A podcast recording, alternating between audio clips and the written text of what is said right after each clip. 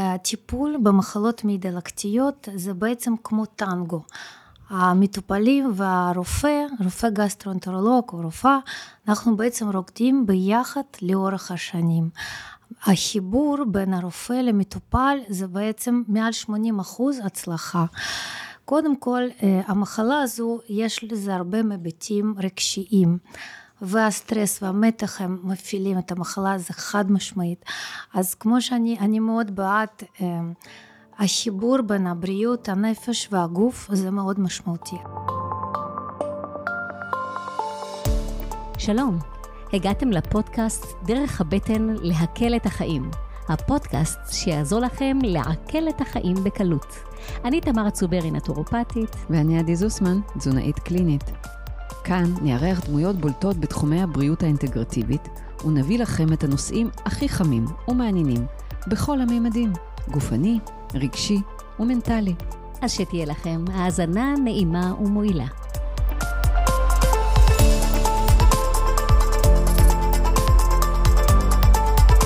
שלום, ברוכים הבאים לפרק החדש שלנו בפודקאסט. אני עדי זוסמן. ואני תמר צוברי, והיום, היום, הפרק שלנו יעסוק בנושא חשוב שלא מדברים עליו. אה, מחלות מעי דלקתיות בקרב נשים. בגיל הפוריות. אה, בגיל הפוריות. היום נתמקד בנשים בגיל הפוריות. כן, אבל אנחנו גם נעסוק בכל הנושא של אה, מעגל הריון הלידה, לפני, מהלך, מה עושים אחרי. ואנחנו. מארחות, בשביל לדבר על הנושא הזה, את דוקטור יוליה ירון, המהממת, אה, רופאה גסטרואינטרולוגית בכירה, אה, מומחית להיריון בסיכון, נכון? את אחראית על המרפאה של הריון בסיכון, אה, וגם רופאה אחראית באשפוז יום במרכז הרפואי תל אביב, איכילוב, נכון? נכון. יש עוד משהו שלא הזכרתי? ואני בעצם עושה הרבה מרפאות רב-מערכתיות, גם מבצעת מרפאת מתבגרים, בה אנחנו בעצם מעבירים את הילדים עם מחלות מעי דלקתיות, בעצם לא ילדים, בעצם מתבגרים, לעולם המבוגרים, לעולם העמוס, ליחידות IBD בעולם המבוגרים.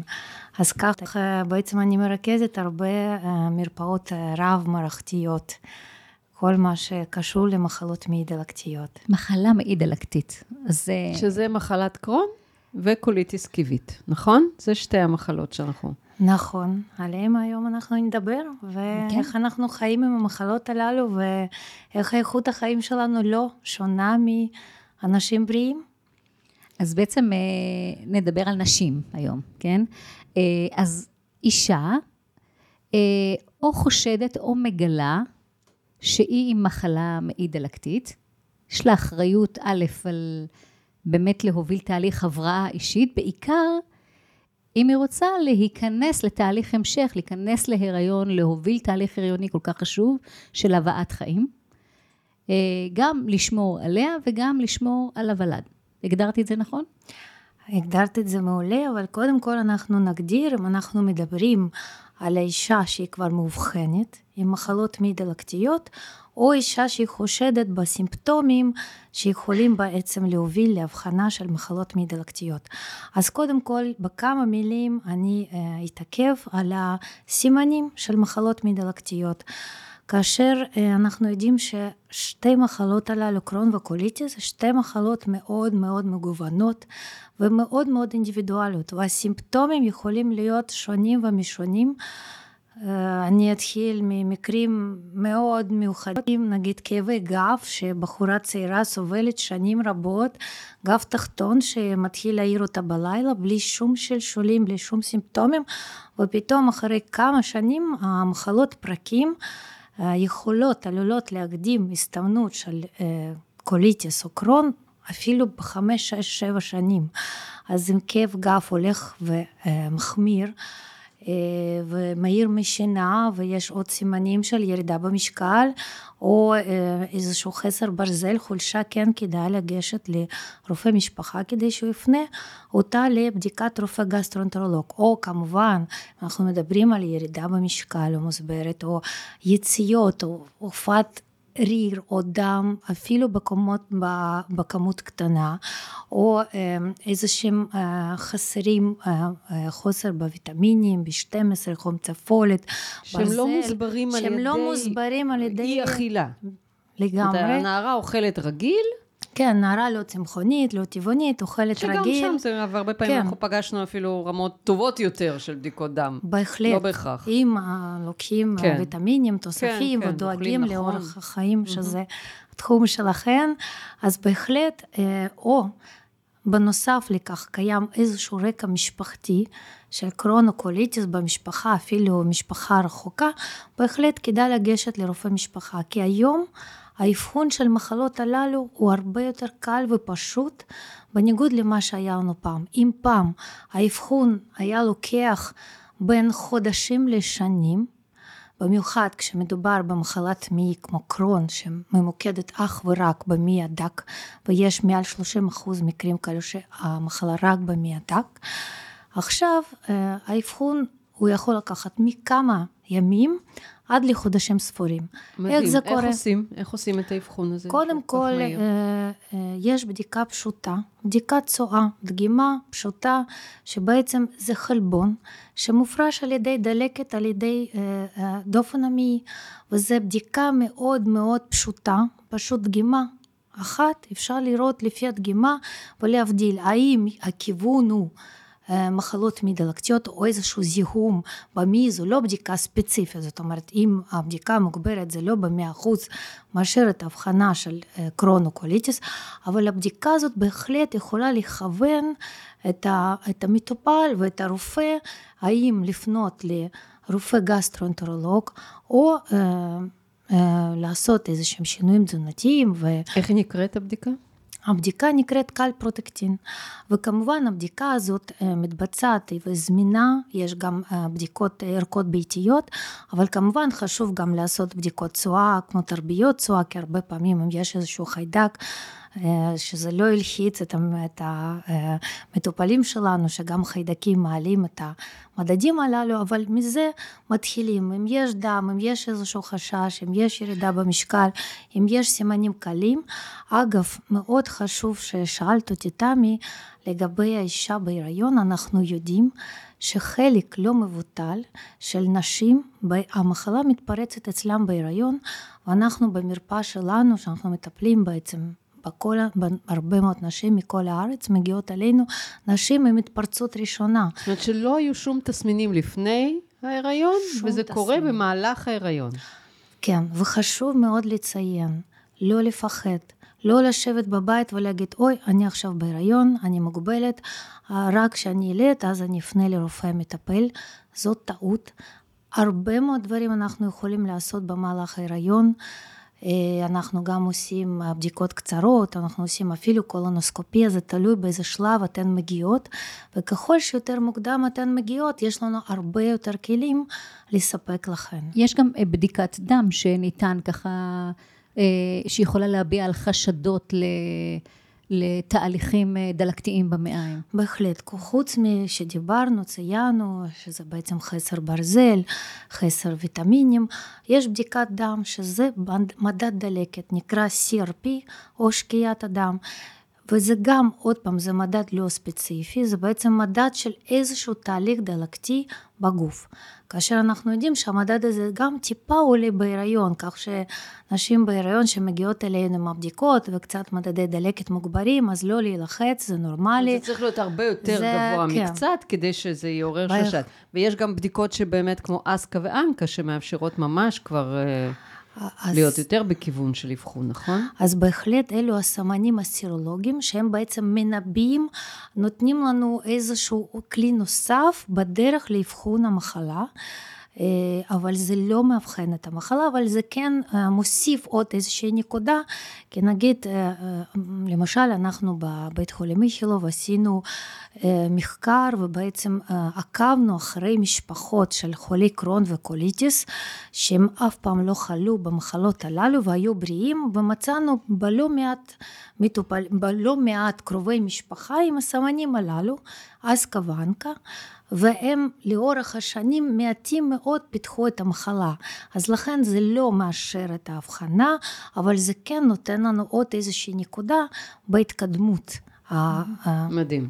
אז מה בעצם האבחון אה, שיכול לקבוע באופן סופי, שאם יש או אין את המחלות האלה? אז האבחון בהחלט זה אצל רופא גסטרואנטרולוג, אתם מגיעים, קודם כל בדיקות דם, בדיקות צואה, תרביות צואה, וכמובן יש לנו עוד אה, אה, דברים כמו אולטרסאונד בטן, כמו זה הכל תלוי בהסתמנות הקלינית, CT בטן, או יש הדמיה, כמו MRI של מי הדק, אבל ההבחנה נעשית, ההבחנה הוודאית נעשית על ידי בדיקת קולונוסקופיה או גסטרוסקופיה. בבדיקה הזו אנחנו בעצם גם בודקים את המעי הגס, מעי הדק, ואנחנו בודקים את הדופן המעי, אנחנו בודקים את הקיבה, ואת התריסריון, ואנחנו רואים את המחלה, לוקחים ביופסיית דגימה פשוטה מאוד, לא כואבת, הכל נעשה תחת אה, טשטוש אה, מאוד אה, ישנים טוב, ואז בביופסיה אנחנו מקבלים את ההבחנה הוודאית. שמדובר במחלת מעי דלקתית כרונית, קרונוקוליטיס זה בהתאם לקליניקה. מה עם וידאו קפסולה? אה, בהחלט זו גם אה, בדיקת עזר, והבדיקה הזו היא פותחה בארץ, וזה בהחלט, הבדיקה אה, הזאת עשתה מהפך עצום okay. בעולם הרפואה בכלל, בכל העולם, וזה קרדיט בהחלט שלנו, מדינת ישראל. וזו בדיקה מדהימה שבעצם עד לפני שהמציאו את הקפסולה הזו, מי ידע כשיש לפחות כארבעה וחצי עד שישה מטר של מי הדק, שפעם המי הדק היה ניתן לראות אותו רק בחדרי ניתוח שהיו קוראים לנו אה, בתור גסטרואנטרולוגים, בבקשה תיכנסו, אנחנו בחדר ניתוח, אנחנו לא יודעים מאיפה המחלה, מאיפה המטופל מדמם, מאיפה הוא מאבד את הנפח חלבון וצריך לנתח אותו, ורק בחדרי ניתוח היינו נכנסים עם המכשיר שלנו והיינו בודקים את המי הדק. מהעידן הקפסולה של מי הדק, בעצם זו מצלמה קטנה שאתם בולים גלולה קטנה, בה מותקנת אה, מצלמה, ובעצם אתם בולים אותה שמונה שעות הקפסולה הזו מסתובבת במי הדק, אה, מחברים אתכם לחגורה. אליה משודר סרט מדהים, שפעם היינו יושבים, עוד אני זוכרת שהתחלתי את ההתמחות שלי, הייתי יושבת שלוש-ארבע שעות, הייתי רואה את הסרט הזה, והייתי מחפשת, הייתי נרדמת על הכיסאות עד הלילה, מחפשת איפה המחלה ואיך המי הדק נראה. עכשיו הטכנולוגיה מאוד מאוד התקדמה, סרטון קצר. אנחנו בעצם יכולים לגלות את המחלה, יש לנו אה, סימנים בתוכנה שלנו שמסמנים לנו את המחלה, אנחנו יכולים להעריך את חומרת המחלה, ובעצם מטופל אחרי שמונה שעות הקפסולה אה, יוצאת מהגוף שלו, והוא מחזיר לנו את החגורה, החגורה אנחנו מחברים אל המסך, ואנחנו רואים, בעצם אנחנו היום יכולים לבדוק את כל המערכת העיכול, החל מבסיס הלשון עד לפי הטבעת. כל זה, סריקה. כל האבחון, אנחנו... מדע בדיוני הדבר הזה, תכלס. כן, האבחון תוך חודש, חודשיים, אנחנו כבר אה, נמצאים בעולם אחר. אז אישה אה, נמצאת אה, במצב שהיא גילתה שהיא סובלת ממחלה דלקתית. אה, השלב הראשוני זה קודם כל לשאוף לרפא את עצמה לפני שהיא מובילה את עצמה לתהליך הריוני. נכון. אה, בהחלט. אה, קודם כל חשוב לציין שנשים אה, שיש להן מחלות מי דלקתיות, ההיריון זה לא נכון הריון ספונטני, זה לא, מאוד לא מומלץ לעשות הריון ספונטני, זה צריך משפחה. להיות מתוכנן כמו שצריך, כי מאוד מאוד מאוד חשוב להיכנס להיריון במצב של הפוגה, כאשר המחלה נמצאת במצב של, אני קוראת לזה תרדמת עמוקה. הכל שקט וניתן להשיג. נקרא רמיסיה. בדיוק, רמיסיה, עמוקה. רמיסיה עמוקה. זאת מחלה שהיא יכולה שנים להיכנס לרמיסיה עמוקה, ויש לה הרבה מטופלות נשים צעירות, ואני אומרת להן, עכשיו את, עכשיו את שקטה, הגיע הזמן, אם את הולכת להתחתן, לעשות את ה... את ה לתכנן את ההיריון הנכון. איך היא תגיע לרמיסיה? זאת אומרת, מה, מה המהלך? אה, שנכון לה, שנכון לה ככה אה, להבין? אה, מה, מה הדרכים להביא אותה למצב... אה, אז קודם כל, אני תמיד אומרת את זה, והטיפול במחלות מעי דלקתיות זה בעצם כמו טנגו. המטופלים והרופא, רופא גסטרואנטרולוג או רופאה, אנחנו בעצם רוקדים ביחד לאורך השנים. החיבור בין הרופא למטופל זה בעצם מעל 80 אחוז הצלחה. קודם כל, אה, המחלה הזו, יש לזה הרבה היבטים רגשיים. והסטרס והמתח הם מפעילים את המחלה, זה חד משמעית. אז כמו שאני מאוד בעד אה, החיבור בין הבריאות, הנפש והגוף זה מאוד משמעותי. אז קודם כל צריך להיות רופא שבעצם ילווה את האישה לאורך השנים. לא רק כדי, להכני, כדי ללוות אותה לאורך ההיריון, אלא צריך להכין את האישה. ויש הרבה בדיקות, כמו שעכשיו אנחנו דיברנו. מאוד חשוב להגיע לרופא המטפל הגסטרונטרולוג, אנחנו לפחות פעם בחצי שנה צריך להיות בביקורת מסודרת עם מחלה שקטה. להגיד, אה, דוקטור, אני, הגיע הזמן, אני מתחתנת, אני רוצה כבר לתכנן את ההיריון. כי המטרה היא שאישה תיכנס להיריון כאשר היא נמצאת בהפוגה, ברמיסיה, לפחות שלושה חודשים טרם כניסה להיריון. כי אנחנו יודעים שהמחלה הזו היא אוטואימונית, זאת אומרת, יש בה מרכיב אוטואימוני, שזה בעצם הגוף תוקף את עצמו. אנחנו אף פעם לא יודעים איך המחלה תתנהג במהלך ההיריון. זה כמו כל המחלות שיש בהן מרכיב אוטואימוני, זה הולך שליש, שליש, שליש. שליש ללא שינוי, שליש מחמירות ושליש אפילו משתפרות, אבל לא, אבל לא בנשים שנכנסו להיריון במצב של מחלה פעילה אנחנו יודעים שמעל 50% מנשים שייכנסו להיריון במצב של מחלה פעילה עלולות להסתבך. לכן גם אם אתן מרגישות מצוין, מאוד מאוד חשוב לבדוק את זה לעומק, כי אה, יש גם הרבה מחקרים שהראו שכ-70% מהאנשים אני לא קוראת לכם חולי קרון, אני מטופלים, כי הרבה מכם נמצאים במצב של הפוגה מלאה, ואתם... זה מאוד חשוב ההבדלה הזאת. יש לכם איכות החיים. יש לו קרון, הוא לא חולה קרון. לא כל מי שיש לו שפעת כל הזמן, הוא לא חולה שפעת. כן, אני קוראת לזה מטופל עם מחלת מדלקתיות, כן, כי. יש תקופות מאוד יפות וניתן להשיג... כן, ניתן להשיג את ההפוגה הזו, להגיע, כי אנחנו, כמו שהתחלתי להגיד, 70% מהאנשים לא מרגישים את ההתלקחות. אנחנו uh, מתחילים מבדיקת קל פרוטקטין. הבדיקה הזו היא כל כך um, עוזרת לנו להבין, היא בעצם אפילו יכולה לעזור לנו לנבא האם המחלה הולכת להתלקח או היא כבר על אש. אה, נמוכה פלוס, או אה, היא מתחילה. זאת אומרת, יש cut-off, יש אה, ערכים שאנחנו אומרים מתחת ל-250, חשוב לציין ש... יש אנשים שלא מצליחים להגיע להפוגה, אבל זה גם לא התוויית נגד להיכנס להיריון, זה הכל, אנחנו משתדלים להגיע למקסימום ואני מאוד, אני אף פעם לא אומרת, אתה אף פעם לא יכולה להיכנס להיריון כי היא מחלה שלך, תמיד אפשר למצוא את הדרך לעזור, אבל המטרה היא מיטבית כדי כן לשאוף להפוגה מקסימלית עד כמה שניתן למקרה הספציפי. אז אנחנו בודקים קלפרוטקטין, קודם כל, תלוי איפה המחלה ומה הזמן של המחלה, נגיד אם זה קוליטיס. חשוב מאוד גם קלפרוטקטין תקין ולא נעשתה קולונוסקופיה במחלה שהיא ארוכת שנים, נגיד אחרי שמונה שנים, מאוד מאוד חשוב לעשות קולונוסקופיה.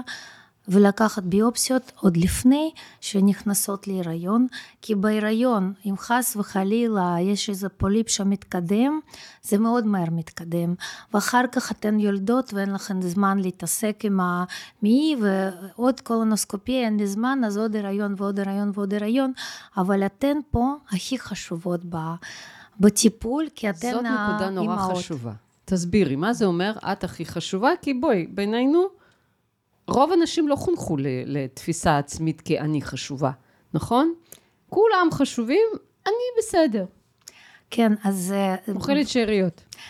זה נכון, ובזה אנחנו, בנושא הזה אנו נתקלות באמת הרבה מאוד במרפאה שלנו.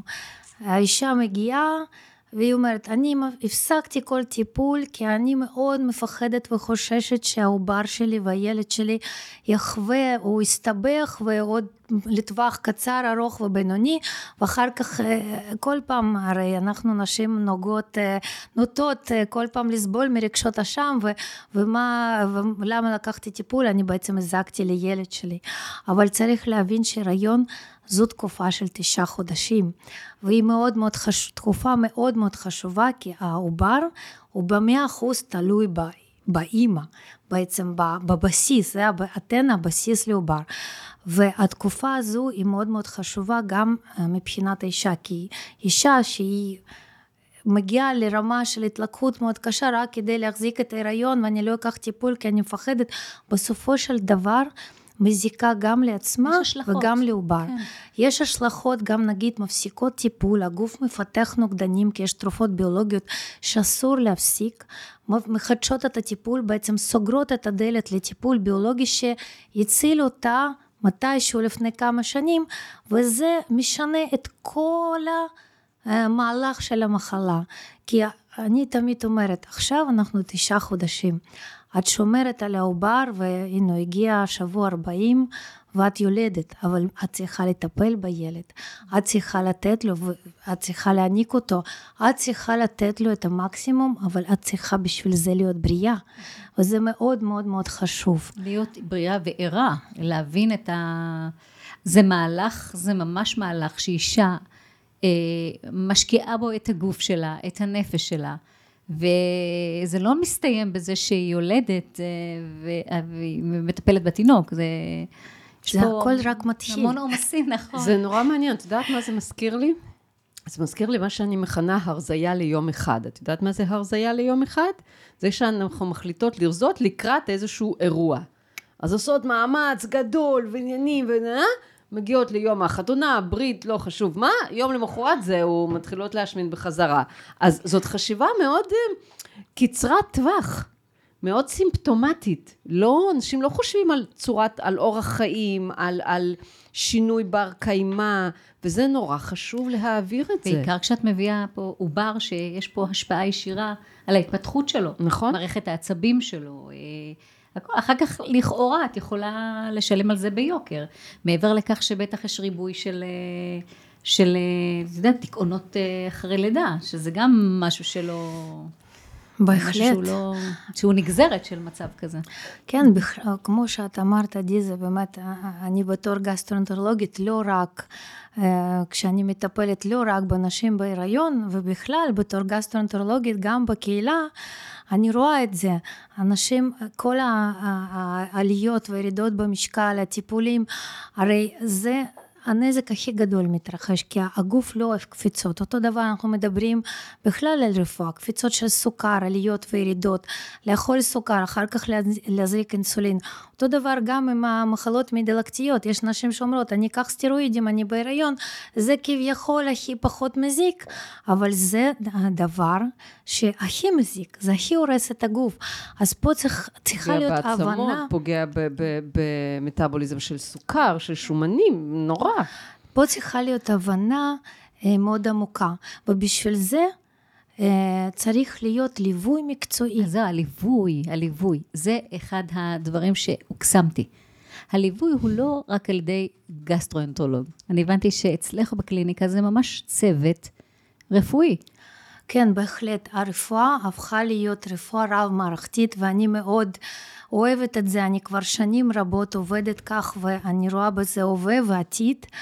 אז המרפאה שלנו בעצם אה, מרפאת הריון בסיכון גבוה, בה אה, אני נמצאת בתור אה, גסטרונטרולוגית מומחית למחלות מדלקתיות. איתי נמצאת דוקטור סקורניק אביטל שהיא המומחית להיריון בסיכון גבוה, ויש לנו גם צוות דיאטניות. היא רופאת נשים? כן, כן, רופאת. נשים. אז רופאת נשים שמומחית להיריון בסיכון גבוה. בהחלט, mm-hmm. כן, זה התחום שלה. כן. אה, איתנו יש צוות של דיאטניות שהן שייכות ליחידה למחלות מעי דלקתיות ואנחנו משתמשים בשירות הזה באופן יומיומי ואנחנו ממש הולכות ונותנות שירות תוך כמה ימים. האישה מתקבלת אה, לדיאטנית שיכולה לתת לה הדרכות שונות ומשונות בהתאם לצרכים, בהתאם לפעילות המחלה.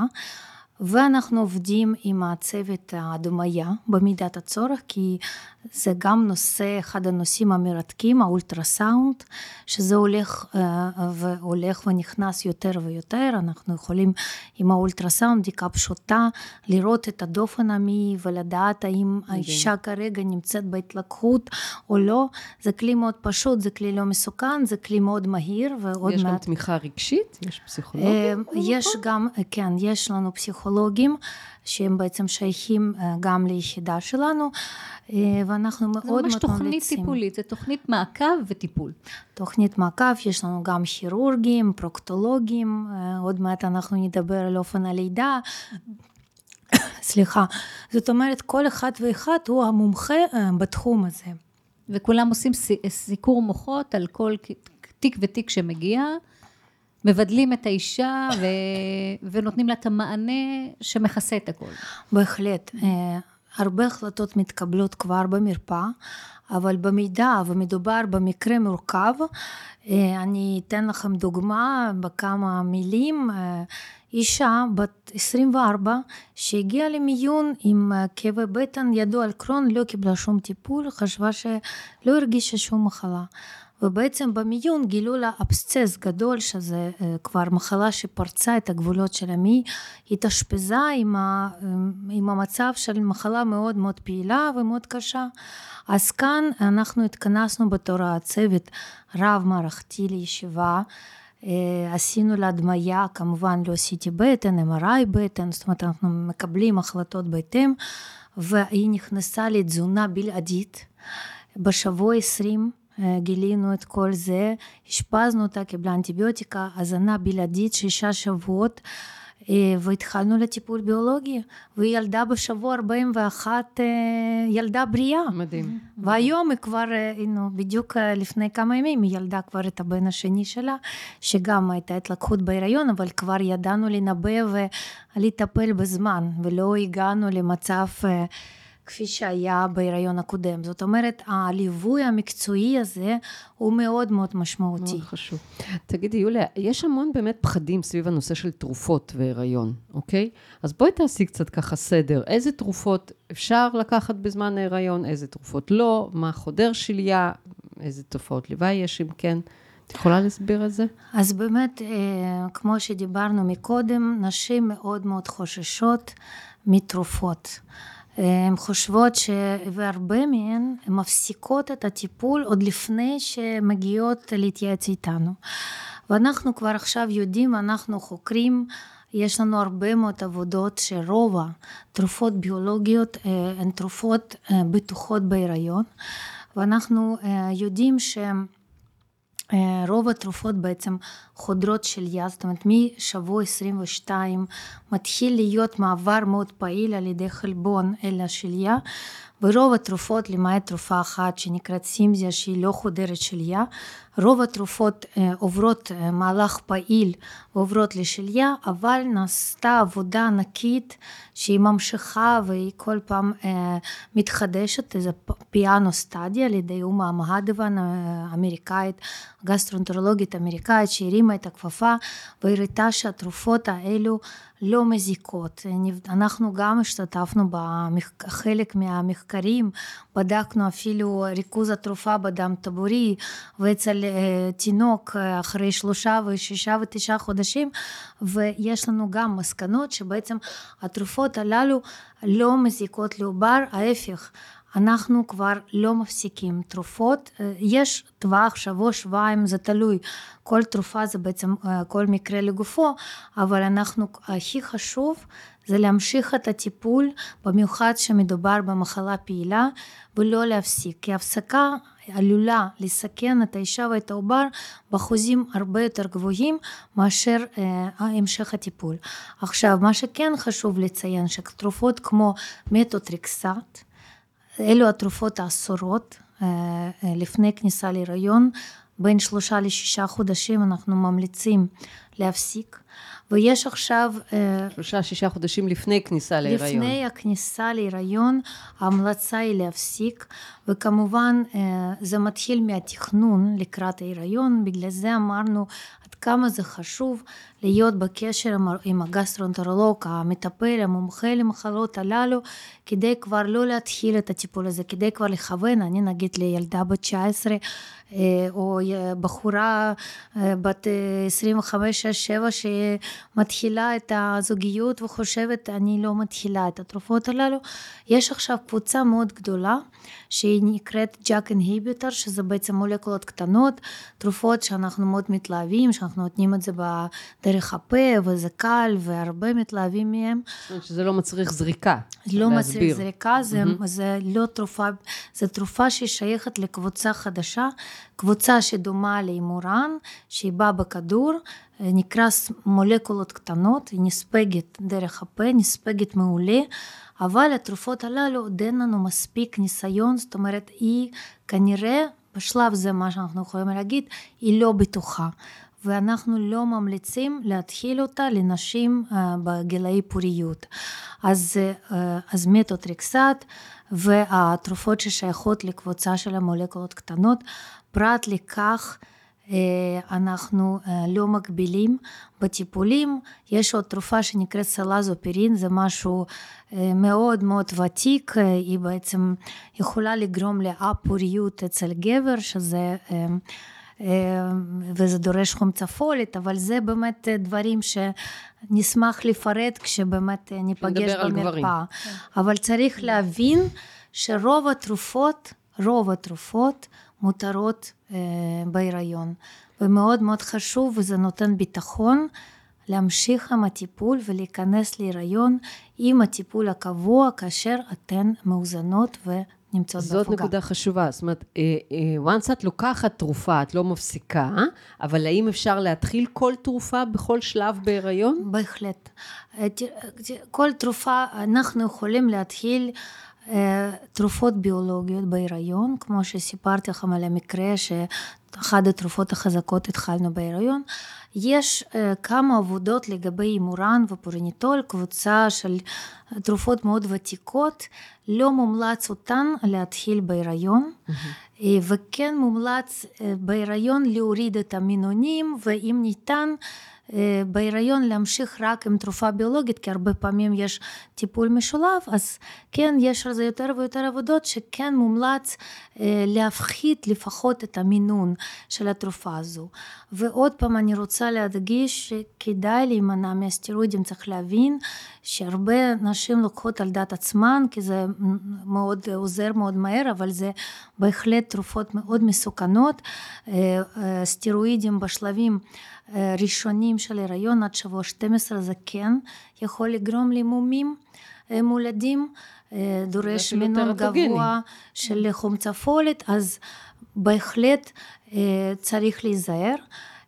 בנוסף לכך יש לנו שירות של בעצם יועצת טרטולוגית אם יש לכם ספקות במקום להפחית ולהפסיק את הטיפול ולהתלקח בבקשה תפנו אלינו אנחנו יכולים בהחלט לסדר לכם, לפנות אתכם לייעוץ מסודר טרטולוגי, בו אתם תקבלו את כל המידע הנדרש ותקבלו את הביטחון, כי אני רואה בביטחון, זה בעצם מפתח בטיפול של הנשים שלנו, שלא תמיד זה פשוט, אבל אני חושבת שככל שיותר מידע אתן מקבלות, מידע מקצועי, ככה ביטחון עולה, נכון, וזה מאוד חשוב. ונאמר שאישה אה, באמת החזיקה את התהליך ההריוני, ואנחנו מגיעים עכשיו להחלטה נוספת, שלב נוסף. שער נוסף זה להחליט באמת אה, באיזה צורה היא תלד. יש פה גם אה, סוג של, נכון. של החלטות הרות גורל. אז, אז מצוין. אז קודם כל צריך להגיד, אז צריך באמת להגיע עד לשלב הזה. וכן, המרפאה המשולבת היא מאוד חשובה. המהלך של ההיריון מאוד מומלץ מעקב במרפאה בסיכון גבוה. זה לא אומר שצריך כל חודש לבוא למרפאה משולבת, לבתי חולים. כן צריך להיות אה, רופא, גינקולוג בקהילה, והמפגשים שלנו לפחות אחת בחודשיים שלושה, זה תלוי, אנחנו מחליטים. ואנחנו בעצם לאורך התקופה, אנחנו עוקבים אחרי אישה.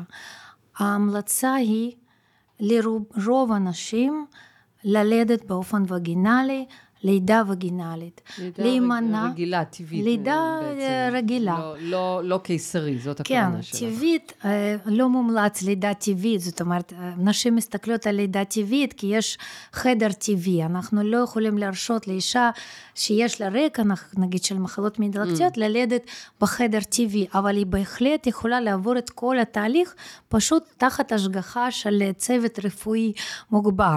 לא בבית. לא בבית, בדיוק. צוות רפואי מוגבר, זה חשוב. כן, זה... כן. לא כן. בבית. במסגרת אה, צוות של בית החולים.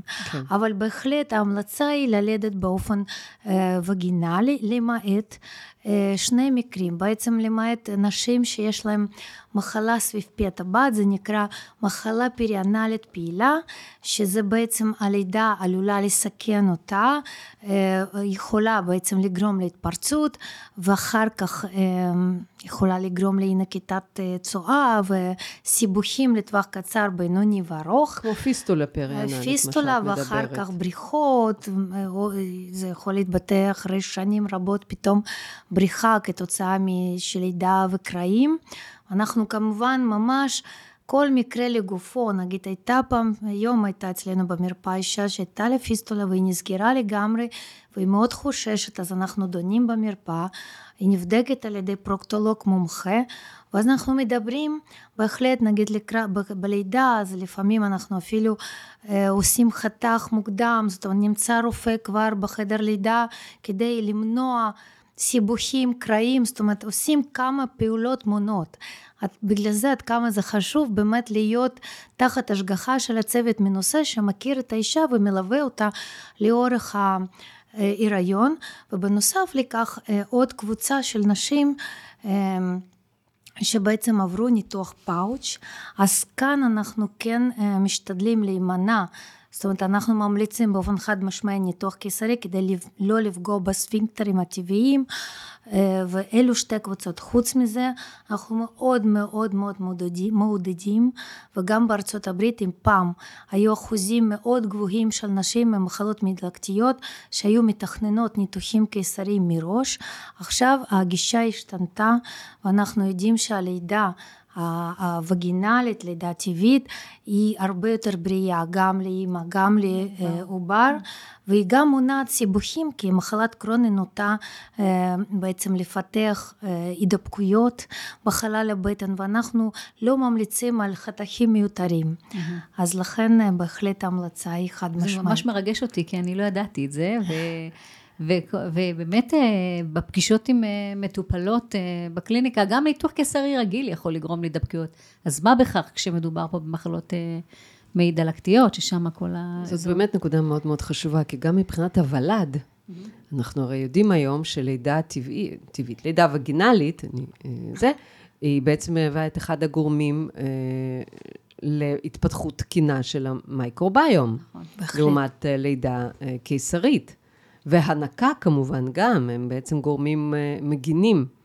אז אה, זה מקטין את הסיכון לתינוק. כן, בהחלט אנחנו תמיד שמים דגש על הנקה.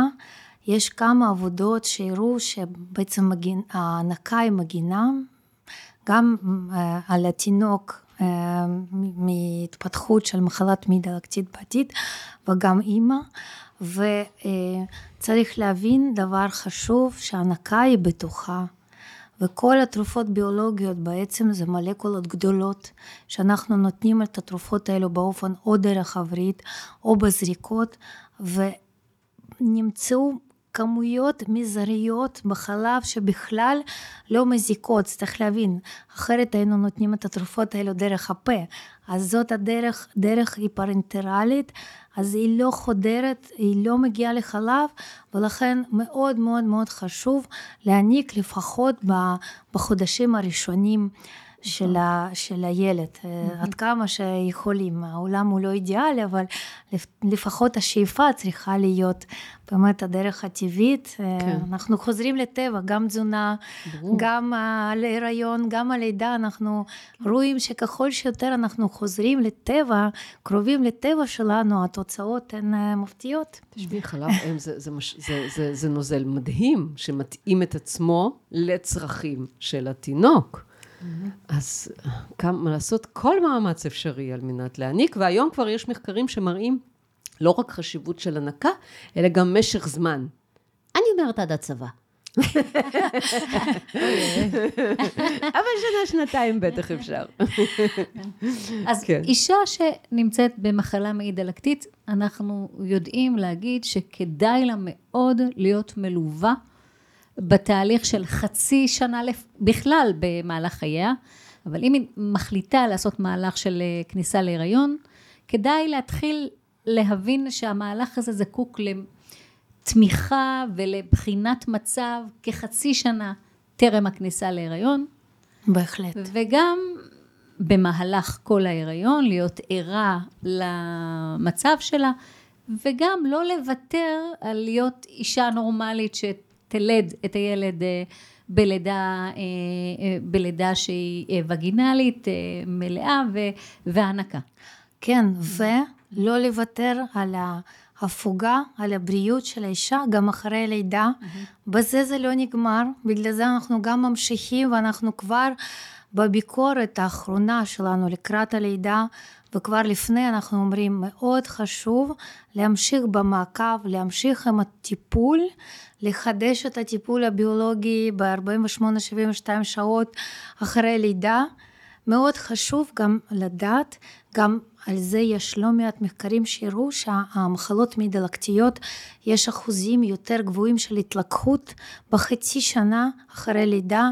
יש איזשהו שינוי הורמונלי, כנראה יש נשים שמשתמשות בתרופות כמו אדוויל, ארקוקסיה נגד דלקת שכואב ולא שמות לב אה, להקל על הכאב ויש סטרס ויש הרבה, יש דברים מולטי דיסציפלינריים שבעצם גורמים להתלקחות של המחלה. אז מאוד מאוד חשוב להתכונן גם למהלך אחרי הלידה, לדאוג לעצמך, לחזור לרופא גסטרו מטפל לבוא לרופא נשים, דרך אגב הפרט מאוד מאוד חשוב, חוץ מלהיבדק על ידי רופא גסטרונטרולוג חצי שנה, שלושה חודשים לפני הריון מתוכנן, מאוד חשוב לבוא לרופא נשים, לעשות אולטרסאונד וגינלי, לבצע משטח פאפ אה, אה, לגילוי סרטן צוואר הרחם, כל מיני דברים שזה מאוד מאוד חשוב, לעשות בדיקות דם, לעשות בדיקות גנטיות, לראות שמצב התזונתי הוא טוב ומאפשר לאישה להיכנס להיריון ואז אה, גם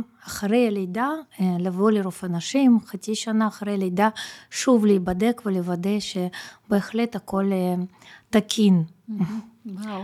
זה נורא חשוב מה שאת אומרת. אני חושבת שאבל גם, אה, מה את רוצה להגיד אולי על קצת אה, דברים שאישה צריכה לקחת מבחינת ויטמינים, מינרלים, אה, אם היא מתכוננת להיכנס להיריון, את יודעת, אומגה שלוש, חומצה פולית, דברים כאלה.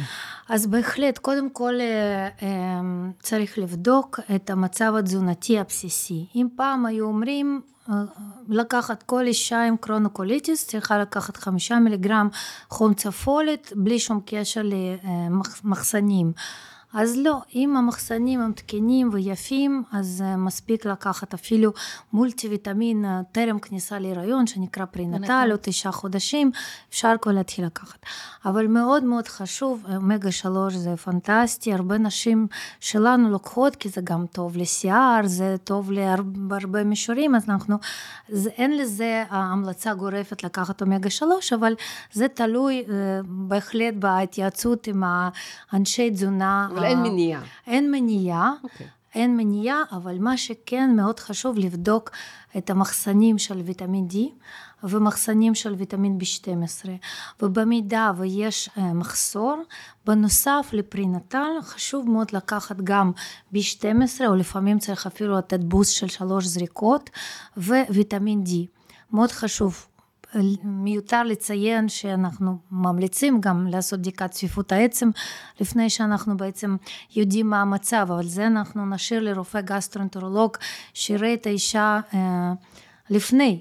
אבל הוויטמינים חייבים לוודא שמצב תזונתי הוא בהחלט מאוזן ולא צריך תוספים אה, ובלוטת התריס. מאוד מאוד חשוב לוודא שבלוטת התריס מאוזנת וצריך להיות ערך אפילו אה, אה, כשאני רואה בדיקות, אני אומרת, נגיד TSH זה איזשהו הורמון של בלוטת התריס, הוא צריך להיות אפילו מתחת לשתיים וחצי, כי הבלוטת התריס משפיעה על ההתפתחות המוחית של העובר, וזה שינויים וואו, בלתי הפיכים.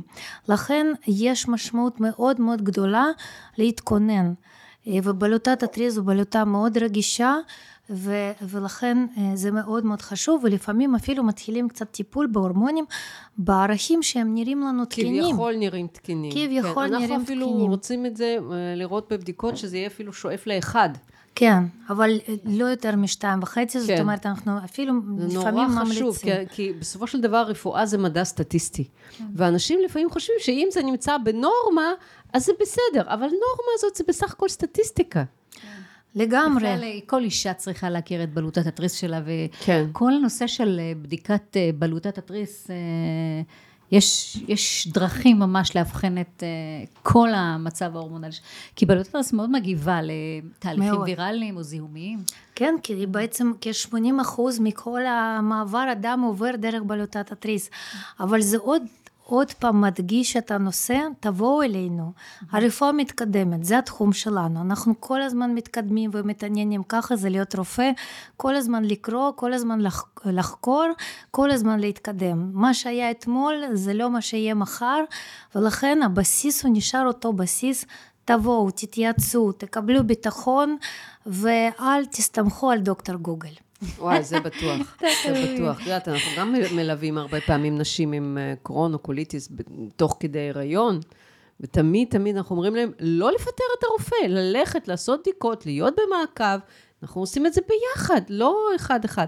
את גם אפילו בהקדמה לספר שכתבת לי, שכחנו להגיד, שיוליה רוני זאת שכתבה את ההקדמה לספר שלי, דרך הבטן, היא גם מדברת, גם מדברת שם על הנושא של ה... כמה חשוב המולטי-דיסציפלינריות, העבודה המשולבת של הצוות. עכשיו, אני רוצה לשאול אותך עוד שאלה. אמ, לפעמים נשים אומרות, טוב, הלך טוב, ילדתי, בסדר, התאוששתי, יאללה, מהר אני אעשה עוד ילד או שניים. זה לא נכון, נכון? זה לא נכון, זה לפחות שנה, שנה וחצי, עד שהגוף מתאושש וחוזר לעצמו. אני שמעת אפילו שנתיים, שנתיים וחצי. כן, אני לא מדברת בכלל אם אישה עברה ניתוח קיסרי, אז מומלץ לפחות שנה וחצי עד לתכנון. כי שנתיים זה באופן אידיאלי, אבל אנחנו לא חיים בעולם האידיאלי, פעם היינו מתחתנים בגיל 20, ועכשיו אישה מתחתנת בגיל 30 פלוס, והיא רוצה מיד שלושה ארבעה ילדים, ופה יש עוד קרון שמפריע, וקוליטיס. זה סוג של ילד. כן, ו- ולכן, אה, אבל השאיפה היא לפחות שנה וחצי. עד ההיריון הבא. עד ההיריון הבא. זה נורא חשוב להדגיש את זה. אבל יש משהו אחר גם כן שצריך לציין. אם האישה החליטה שהיא לא רוצה להיכנס להיריון, ואחרי שהיא סיימה להניק, היא מתחילה לקחת גלולות למניעת הריון. אסון טבע, לא? אמ, תראו, אנחנו, זה באמת נושא שהוא לא לגמרי פשוט. אני כבר, אני בכלל משתדלת לא להמליץ על גלולות, נגיד בחורות צעירות שמגיעות אליי עם מחלות מעי דלקתיות, אנחנו יודעים שכשמחלה פעילה זה כבר מראש קרישיות יתר, זה בעצם מעלה קרישות יתר. פלוס גלולות שעוד יותר מעלות קרישות יתר, אנחנו לא מדברים על זה שאסור לעשן שעוד יותר. והיא עוד טיסה, והקרישי דם זה משהו שנושא לא, זה נושא מאוד מאוד מסוכן. זה אנחנו נשים בצד. חוץ מזה, אנחנו יודעים שבעצם הגלולות, ההורמונים, אה, הם מעלים סיכון להתלקחות.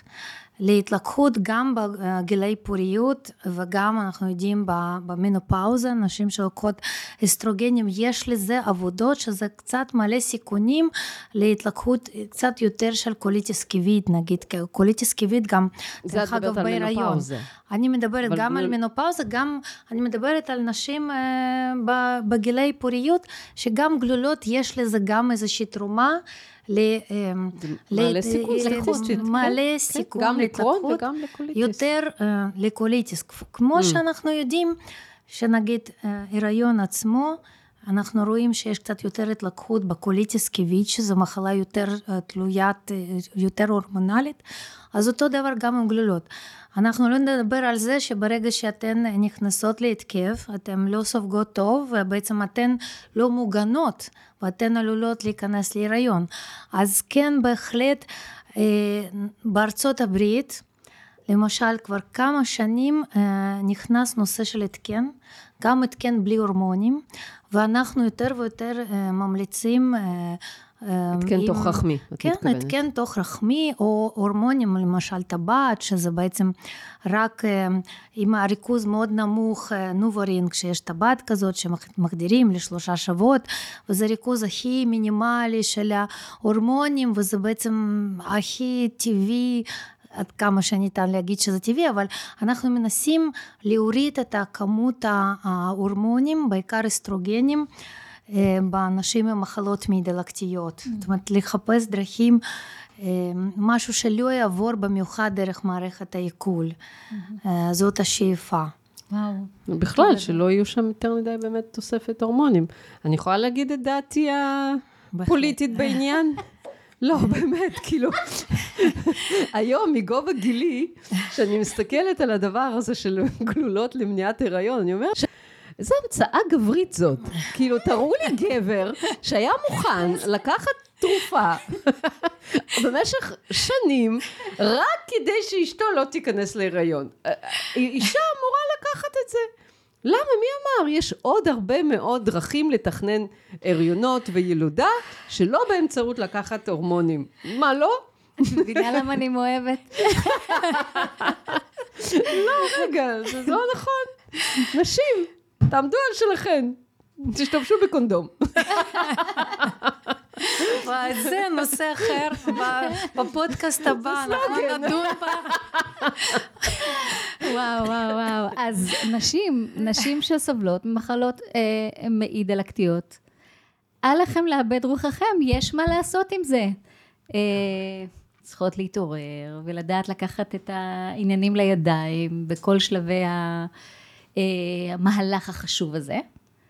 וואו, תודה רבה. רגע, אני רוצה אבל עוד שאלה, שנייה, לפני תודה. אה, אה, באמת, אה, בואי, אותי מעניין בסופו של דבר עולם התזונה והתנהגויות בריאות נוספות, כן, ניהול סטרס, דברים שגם את מדברת עליהם, כן?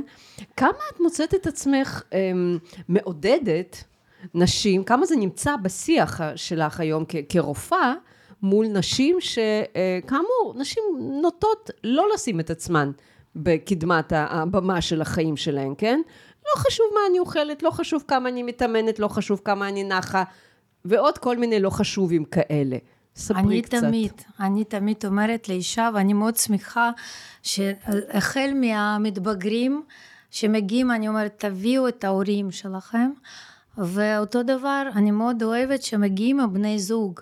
ומול בני זוג אני אומרת, עד כמה האישה היא, אני אומרת תמיד, את המרכז. המעמד. את המרכז המשפחה, את הבסיס למשפחה שלך. ואם את לא תרגישי טוב, הכל יכול להתמוטט.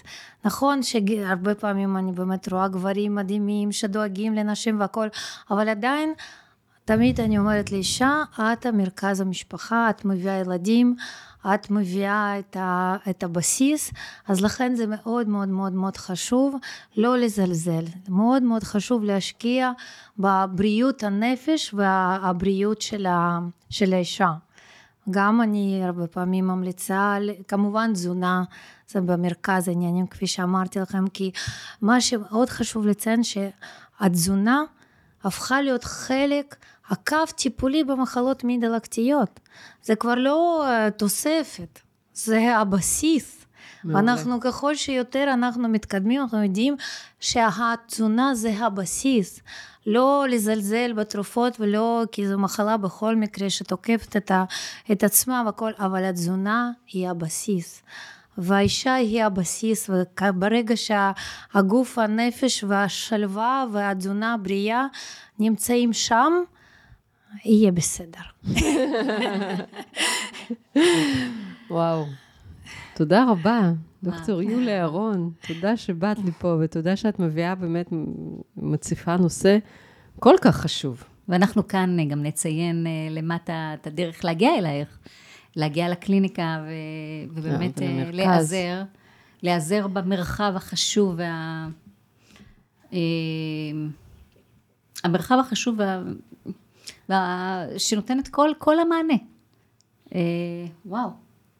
תודה רבה. תודה, תודה רבה, רבה שהזמנתם אותי, ואני מחכה למטופלות שלנו. אנחנו כאן. הן שם, הן לגמרי שם. להתראות. תודה רבה לכם שהקשבתם לנו, ו, ו, ו, תדרגו אותנו. אז תודה, עדי. ותשתפו אותנו. עדי, תודה. תודה, תמי. תודה לכם להתראות.